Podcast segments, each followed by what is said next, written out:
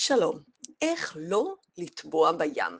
עשרות אנשים טובעים למוות בים בישראל מדי שנה. רק אתמול טבע גבר בגיל שלי בחוף שבו אני שוחה בחיפה. אנשים שבאו לבלות ולטבול בים ולא יוצאים בשלום. אחרי כמה שנים של שחייה ספורטיבית בים, אני מאמינה שאפשר למנוע את רוב המקרים הללו די בקלות, על ידי שימוש בציוד זמין וזול ושמירה על כמה כללי זהירות פשוטים ששחיינים נוקטים בהם. אז מוזמנים להקשיב, להפנים ולהפיץ את זה, כדי שכמה שיותר אנשים ידעו ונשאר כולנו בטוחים. דבר ראשון, להיכנס לים עם משקפת שחייה. משקפת פשוטה וזולה, כזו שקונים בכל חנות, כמו שילדים משתמשים, כמו שמשתמשים בבריכה. משקפת משנה את כל המצב. מי שמצויד במשקפת לא צריך לשמור את הראש מעל המים כל הזמן, הוא יכול פשוט לשחות, כמו ששוחים בבריכה. העיניים שלו לא נצרבות, והוא לא נכנס למצוקה כל כך בקלות. אדם שנקלע למים עמוקים ומצויד במשקפת, יכול הרבה פעמים פשוט לשחות בחזרה אל החוף. אז תיקחו אתכם משקפת. שתיים, להשתמש במצוף נגרר. לא מצוף של ילדים, לא גלגל של ילדים, אלא מצוף נגרר של שחיינים. זה אביזר שעולה פחות מ-100 ש"ח, הוא משנה את כל התמונה. זה מצוף מתנפח שנקשר למותניים, הוא לא מפריע לשום דבר, הוא פשוט מונח לידכם, ובמקרה הצורך אפשר להיאחז בו, להניח את הראש, לנוח, לחכות לעזרה, או לפדל ברגליים ולחזור כך לחוף. ילדים יכולים להשתמש בו בתור חלק מהמשחק שלהם, מאוד כיף לקפוץ בגלים עם המצוף הזה, וזה כמובן ליד מבוגרים, זה לא תירוץ לא להשקיע, להשגיח על ילדים. יש למצוף נגרר שני יתרונות עצומים, ויש תמונה בפוסט ששמתי באתר, יש תמונה של המצוף הזה. אחד, האדם עצמו יכול להשתמש במצוף. שתיים, אפשר להושיט את המצוף לאדם אחר שנכנס למצוקה. אם אדם אחר טובע, אתם כנראה יודעים שמסוכן מאוד לשחות אליו למים עמוקים ולנסות להציל אותו. הטובע ינסה להתרומם מעל המים וידחוף אתכם כלפי מטה בכוח עצום. אבל אם יש לכם מצוף, אתם זורקים לו מצוף והוא מסודר. שלוש, לבדוק בבית את מצב הים. שחיינים בודקים את מצב הרוח והגלים לפני שהם הולכים לים. יש אתרים פשוטים וברורים מאוד כמו זה, שמתי לינק, האתר הממשלתי. ויש, תכף אני אה, אסביר על עוד אתר עוד יותר טוב. מתרחצים לרוב לא בודקים את מצב הים בבית. למשל, עדיף וחשוב לוודא שאתם לא נכנסים לים כאשר יש רוח מזרחית, או שאתם ממש רק טובלים רגליים במים. מדוע? רוח מזרחית יוצרת סחף אל תוך עומק הים. זה מסוכן.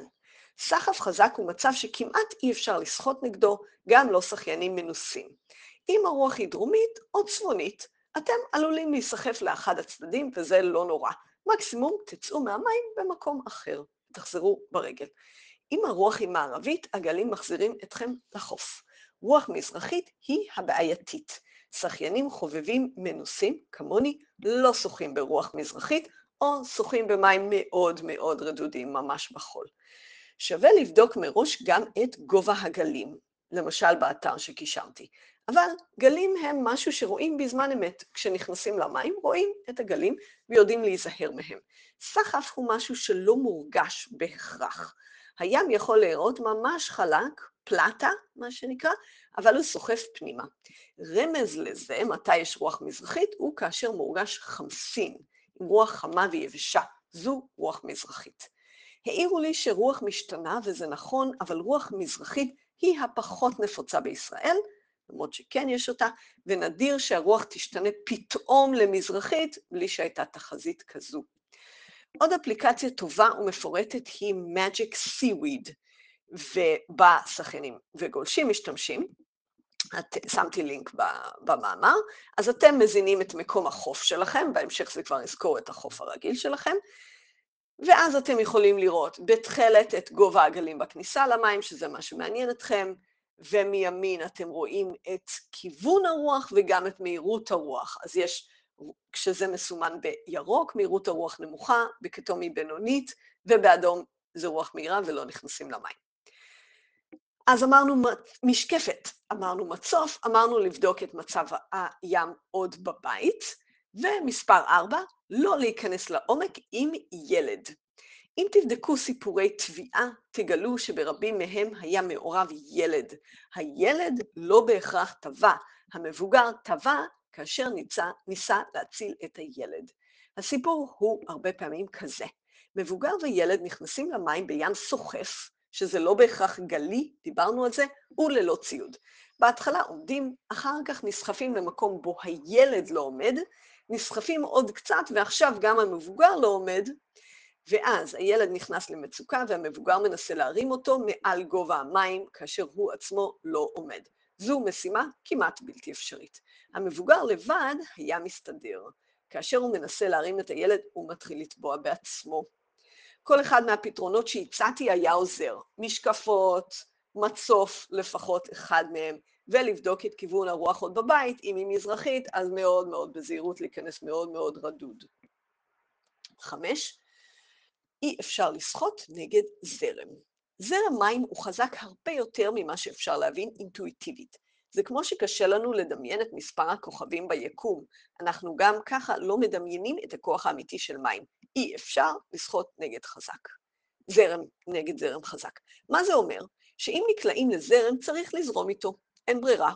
מתישהו אפשר לזוז הצידה ולנסות לשחות בכיוון אחר, הצידה. אבל שחייה נגד הזרם היא מתכון להתעייפות מהירה ועלולה להסתיים בטביעה. להיסחף קצת פנימה עם הזרם, לא נורא, בסוף נצא במקום אחר. לשחות נגד הזרם, זה נורא, את זה לא עושים. ונקודה לקראת סיום, עוד שתי נקודות, לשוחח עם המציל. פעם היו לי רגשות מעורבים כלפי מצילים. מצד אחד הם חיוניים, ומצד שני הם נתפסו אצלי כמטרידים וצועקים סתם. היום אני יודעת שהמצילים יודעים על מה הם מדברים. כשהתחלתי לשחות בים, חברים לימדו אותי מה המנהג. נכנסים למים, אומרים שלום למציל ושואלים שאלה פשוטה, איך הים? זה משהו שאתם גם יכולים לעשות. הם יגידו לכם אם יש סחף, לאן ואיפה כדאי להיכנס ולצאת. שווה לשוחח עם המצילים. רובם שחיינים ששוחים כל בוקר בים, והם יודעים מצוין מה קורה בו. בתור שחיינית, אני לפעמים נכנסת לים שאני יודעת שהוא לא פשוט, אבל אני מנוסה, ויש לי ציוד, ואני שומעת את המצילים מזהירים את הרוחצים שלא מודעים בכלל למצב הים, לא חוששים ולא נזהרים. לא, אל תעשו את זה, תקשיבו למצילים. ואחרון, לא להיכנס למים אחרי שתייה או עישונים. מדברים על זה ומזהירים, אבל חשוב להבין, גם שחיינים מקצועיים יודעים שבים יש אתגרים ויש הפתעות. ים רגוע שפתאום עולה, רוח שמשנה כיוון, מדוזה שצורבת, גם אם אין הרבה מדוזות, יכולה להיות מדוזה אחת, או אפילו רק ההרס שלה. שחיינים מגיעים מוכנים, עם ציוד, אחרי שנת לילה טובה, בכושר ובפוקוס. אנחנו לא מגזימים בביטחון עצמי, ואנחנו תמיד שומרים עוד קצת כוח אקסטרה עד שחזרנו לחוף בשלום. אנחנו מכבדים את הים, זה כבדהו וחשדהו, אוהבים את הים וגם נזהרים ממנו. אז להיכנס למים אחרי ששתיתם אלכוהול או עישנתם גראס, זה לגמרי לא לעניין, מסוכן. ואל תגידו, נכנסנו רק טיפה, זה לא עמוק, ים זה ים. ואם אתם לא במצב מתאים, הישארו מחוץ למים. אחרי כל זה, אני מקווה שתהיו המון בים. שחייה בים היא ספורט נפלא ומקסים, וגם טבילה היא ספורטיבית ומהנה. ים זה אושר, בריאות ואיכות חיים. אני מקווה שהקטע הזה יעזור לכם להיות יותר בים ולא פחות, ובלי להסתכן. קיץ שמח לכולם.